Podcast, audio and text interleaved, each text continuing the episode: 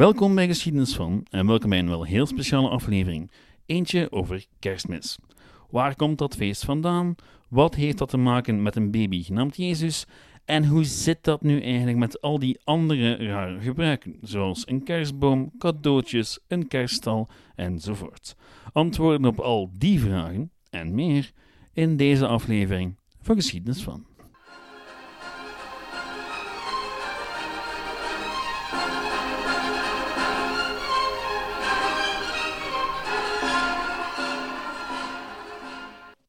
Voor we aanvangen met de origine van kerstmis, eerst even dit. Vorige week kreeg u de eerste aflevering in een reeksje over gravinnen in de Lage Landen. Volgende week krijgt u het vervolg. Zwat, over naar kerstmis. Soms brengt de ene aflevering de andere voort. In dit geval was het de aflevering over Sinterklaas die me aan het denken zette. Die Sinterklaas is namelijk een uitstekend voorbeeld van hoe gebruiken en ideeën en feesten kunnen evolueren doorheen de tijd. Sinterklaas begon zijn mythologisch bestaan als de heilige Sint-Nicolaas van Myra en met der tijd plakte zowat iedereen in de christelijke wereld zijn eigen betekenis op de goedheilig man. Van de patronenheilige van ongehuwde vrouwen tot die van matrozen en kinderen en nog veel meer. En dan hebben we het nog niet eens gehad over Sinterklaas, Zwarte Piet en de uiteindelijke vervelling tot de kerstman. Je hebt dan ook nog de hele discussie of de figuur wel of niet iets te maken heeft met oud-Germaanse religieuze figuren zoals Bodan.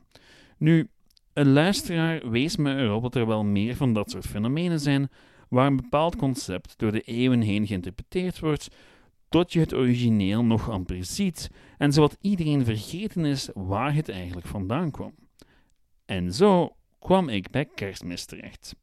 Dat en ik was hierover aan het nadenken terwijl ik bestookt werd met kerstmuziek allerhande in de supermarkt. En nu weet ik dat sommigen van u de wenkbrauwen fronsen. Want toegegeven, in theorie is het zeer eenvoudig. Kerstmis is immers een christelijke feestdag en de dag waarop, traditioneel, de geboorte van Jezus herdacht wordt. Waarop ik zeg ja, maar hoeveel van u gaan er op kerstavond nog naar de mis, de kerstmis? Oftewel, hoeveel van u zijn nog echt bezig met het kinderke Jezus? Is kerstmis een religieus christelijk feest, of vandaag de dag toch vooral een familiefeest met een nogal commercieel kantje? Of hoe ook kerstmis zich lijkt aangepast te hebben aan onze moderne, overwegend seculiere en redelijk kapitalistische maatschappij. En aan zich is dat helemaal niet zo vreemd. De laatste dagen van december en de eerste van januari zijn altijd al speciale feestdagen geweest op het noordelijke halfrond. Al vanaf het moment dat men zich op een plek vestigde en afhankelijk werd van de landbouw, waren het in deze periode grote feesten.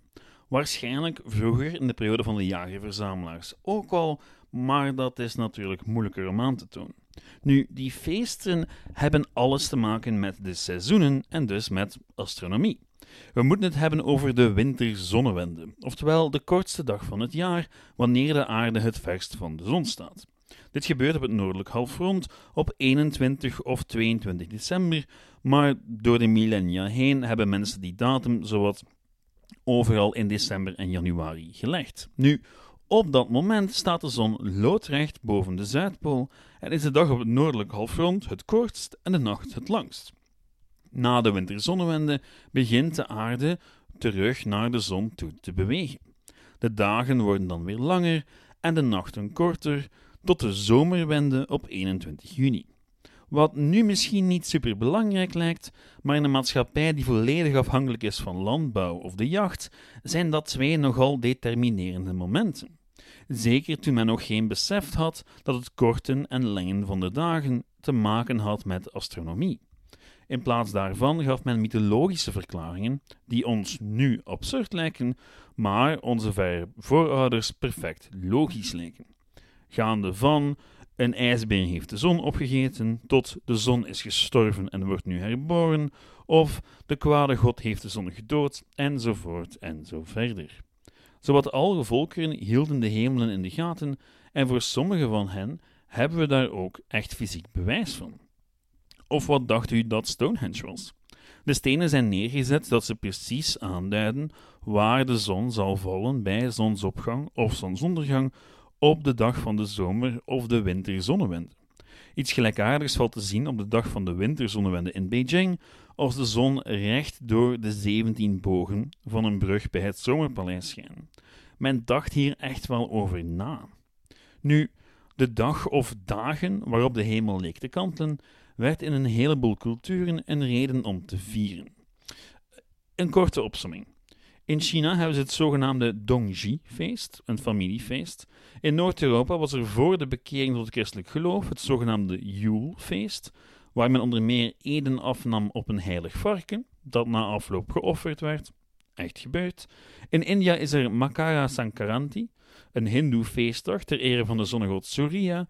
En dan zijn er natuurlijk nog de Romeinen, en daar gaan we eventjes bij moeten stilstaan.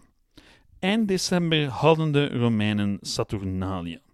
Origineel maar één dag, maar met de eeuwen werd het een hele week. Nu, Saturnalia was een festival ter ere van de god Saturnus, de Griekse god Kronos eigenlijk, zowat de god van de tijd.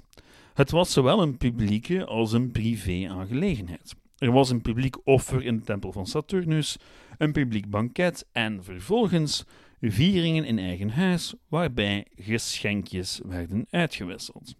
Het was ook een feest waar de rollen werden omgedraaid en meesters voor één keer slaven bedienden in plaats van omgekeerd. En afgaande op de bronnen was het een heel gedoe. Voor sommige Romeinen bijvoorbeeld was het allemaal wat te veel. Plinius beschrijft een afgelegen reeks kamers in zijn villa in Laurentum die hij gebruikte als toevluchtsoord. Ik citeer: Vooral tijdens de Saturnalia, wanneer de rest van het huis luidruchtig is door de vrijheid van de vakantie en feestkreten. Op deze manier belemmer ik de spelen van mijn mensen niet en hinderen zij mijn werk of studies niet. Klinkt heel erg als een student die moet studeren tijdens de vakantie. Nu, ik hoor je denken, wat heeft dit allemaal te maken met kerstmis? Wel, um, alles eigenlijk. Er is namelijk nog een Romeins winterfeest dat gevierd werd tijdens het keizerrijk, maar enkel voor de komst van het christendom. Dat van Sol Invictus, de onoverwinnelijke zon. Gevierd op de geboortedatum van de godheid, en dat was 25 december. Oh ja, tuurlijk wel. Er was in het Romeinse Pantheon altijd wel de een of andere zonnegod geweest, maar in 274 na Christus hervormde keizer Aurelianus de cultus en introduceerde hij dit feest. Trouwens niet toevallig op 25 december, want dat was de dag van de winterzonnewende op de Romeinse kalender. Het feest kwam zo min of meer aan het einde te liggen van de Saturnalia, waardoor december de feestmaand bij uitstek werd binnen het laat-Romeinse Rijk. En dat veranderde niet toen het christendom de officiële rijksgodsdienst werd. Maar daarover later meer. Op basis van de Romeinse tradities van feesten rond de winterzonnewende lijkt het logisch om aan te nemen dat christenen 25 december uitkozen omdat het hen toeliet enkele van de populairste feesten van het jaar te recupereren en te verchristelijken. Um, het lijkt zo logisch dat ik er bijna zeker van ben, maar we zullen het nooit helemaal zeker zijn. Feit is dat de keuze voor 25 december pas gemaakt werd toen het christendom in de vierde eeuw de dominante godsdienst in het keizerrijk werd en de heidense concurrentie en haar feesten steeds meer aan banden werden gelegd. In de derde eeuw na Christus werd er bijvoorbeeld nog lustig gekibbeld over wanneer Jezus niet precies geboren was. Het stond helemaal niet vast. En daardoor lijkt de keuze voor 25 december nogal opportunistisch. Nu, die discussie die klonk rond het jaar 200, in de woorden van Clementus van Alexandria, ongeveer zo. er zijn mensen die niet alleen het jaar van de geboorte van onze Heer hebben bepaald, maar ook de dag. En ze zeggen dat het plaatsvond in het 28e jaar van Augustus en op de 25e dag van de Pachon, 20 mei. Anderen zeggen weer dat hij werd geboren op de 24e of 25e dag van Farmuti, 20 of 21 april. Dus je ziet dat er nogal duchtig gediscussieerd werd over en dat er totaal geen consensus was. Naarmate de derde eeuw vorderde, associeerden echter heel wat christenen Jezus met de zon. Niet onlogisch gezien het thema van de verrijzenis en de hergeboorte. En bij gevolg was het dus helemaal niet zo vreemd om zijn geboorte te gaan verbinden met de winterzonnewende. Of zoals de vierde eeuwse heilige Augustinus het uitlegde in een van zijn preken. Daarom is het zo dat hij geboren werd op de dag die de kortste is in onze aardse telling en waarop de daaropvolgende dagen beginnen te lengen. Hij die zich neerboog en ons optilde, koos de kortste dag, maar wel diegene waaruit het licht begint toe te nemen. Hm, mooi theologisch argument. En er is ook nog een ander argument voor 25 december. Want traditioneel wordt 25 maart gezien als de datum van de verwekking van Jezus, toen zijn komst aangekondigd werd aan Maria door de engel Gabriel. En 25 maart is exact 9 maand na 25 december. Goed, wat er ook van zij, tegen de 4e eeuw was 25 december door zowat alle christenen aanvaard als de geboortedatum van Christus en was kerstmis dus geboren. In de viering van kerstmis werden al snel over het hele Romeinse Rijk lokale gebruiken opgenomen die traditioneel deel uitmaakten van oudere vieringen van de winterzonnewende. Het resultaat is dat veel van de zaken die we vandaag de dag met kerstmis associëren, een vreemde mengeling zijn van gebruiken afkomstig uit het hele Romeinse Rijk. Een bloemlezing. Versierde bomen. Het gebruik van versierde bomen als onderdeel van de kersttraditie heeft wortels in oude Germaanse en Keltische cultuur. Die bomen werden versierd als een eerbetoon aan de natuur en werden later geïntegreerd in de kerstviering. Hetzelfde gebeurde met kaarsen en lichtjes. Heidense winterfestivals gebruikten vaak kaarsen en vreugdevuren als symbool van licht tijdens de donkere winterdagen. In de latere christelijke kerstviering symboliseerden die kaarsen dan weer het licht van Christus. Zelfde principe, andere uitleg. Maretak is dan weer een zeer Keltische en heidense traditie. Het werd als heilig beschouwd omdat het een van de weinige planten was die groen bleef tijdens de winter. In de loop van de tijd werd het een symbool van vrede en liefde en nu is het gewoon deel van kerstmis zonder dat het echt een band heeft met baby Christus. Dan heb je ook nog het zogenaamde Yule log, wat eigenlijk een gewoonte was om een groot houten blok te verbranden tijdens de kerstperiode. En dat komt natuurlijk van het oude Germaanse midwinterfeest Yule. Dan heb je ook nog allerlei gebakjes met kruiden en specerijen, zoals kaneel en nootmuskaat, wat dan weer teruggevoerd kan worden op de Romeinse viering van Saturnalia, waarbij er een absolute overvloed aan voedsel en drank was. Klinkt bekend in de oren. Kerstkransen, natuurlijk, vaak met groene takken, zijn een symbool van eeuwigheid en zon in oude culturen en past natuurlijk ook binnen heel het idee van de geboorte van Christus als een nieuw begin. Dan heb je nog de heilige dieren, zoals rendieren en vogels, die tegenwoordig vaak gebruikt worden in kerstsymboliek, of waarom de kerstman rendieren heeft. Um, feestmaaltijden, ook altijd al een dingetje geweest. Die heidense winterfeesten werden vaak gevierd met zeer overvloedige maaltijden en dat aspect werd gewoon overgenomen in de kersttraditie. En vaak was daar ook een zeer, ja, bijna logistieke reden voor. Want dat ging gepaard met het slachten van heel wat oudere dieren, om ervoor te zorgen dat men die niet in leven moest houden voor de rest van de winter. Het vlees werd verorberd en wat overschot gezouten voor de rest van de winter. Goed, ik zou nog eventjes kunnen doorgaan, maar ik denk dat het punt gemaakt is. Want die opsomming zou u de indruk kunnen geven dat er altijd al zoiets bestaan heeft als ons modern kerstfeest. Feit is dat wat er wel en niet deel uitmaakte van dat feest en het belang van het feest zelf heel erg kon verschillen van periode tot periode.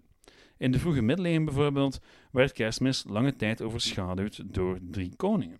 Beide feestdagen maakten deel uit van een verlengde feestperiode. Vanaf wat de 9e eeuw won kerstmis aan belang. Koningen werden vaak speciaal gekroond op kerstmis om de gebeurtenis wat meer grandeur te geven. En zeker vanaf de 12e eeuw kregen we steeds meer informatie over hoe de hogere klassen hun kerstfeest doorbrachten. Vaak compleet met specifieke cijfers voor het aantal geslachte dieren. Nu, veel van de zaken die we vandaag de dag associëren met een nieuwjaarsviering, overmatig drinken, vuur en een heleboel kabaal, maakten vroeger deel uit van kerstmis en zorgden voor een bij wijlen nogal negatieve reputatie van het feest.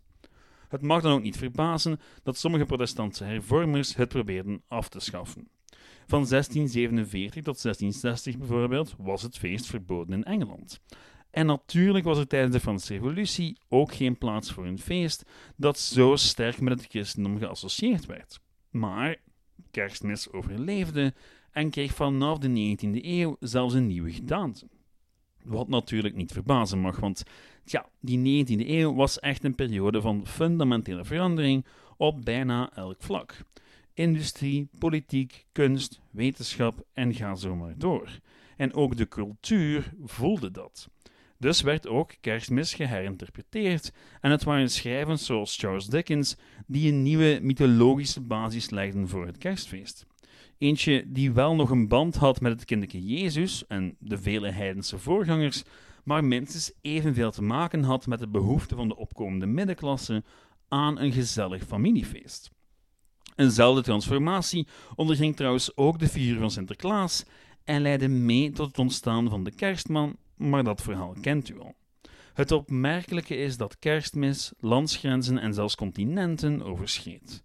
In de hele christelijke wereld werd het gevierd door protestanten, orthodoxen, katholieken en met de tijd ook steeds meer niet-gelovigen. Ook in de 20e eeuw bleef het feest bestaan en zelfs groeien, al waren er ook in die eeuw pogingen om het af te schaffen.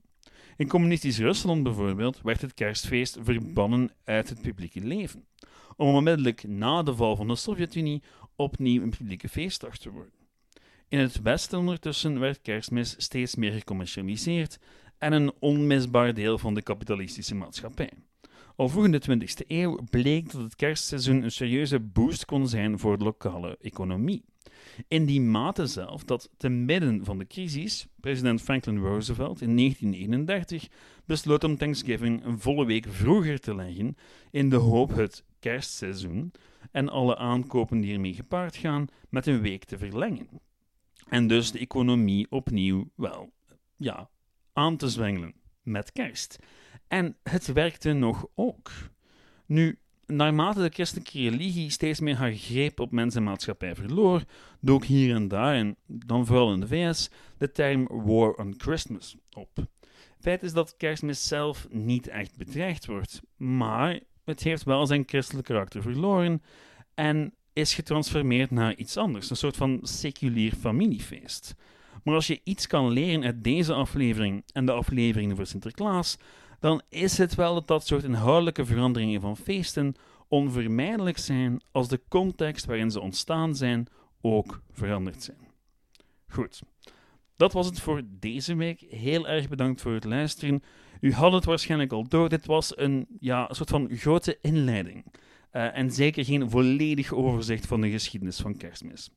Bij het doorspitten van de literatuur kwam ik al snel tot de conclusie dat er nog veel meer te vertellen valt over kerstmis. En dat is dus iets voor volgend jaar. Wie niet wachten wil tot volgend jaar, kan ik volgende boeken aanraden. Christmas, A Candid History van Bruce David Forbes is een uitstekende inleiding in het onderwerp dat de voornaamste bron vormde voor deze aflevering. Voor wat meer specifieke verhalen kan ik The Medieval Christmas aanraden van Sophie Jackson.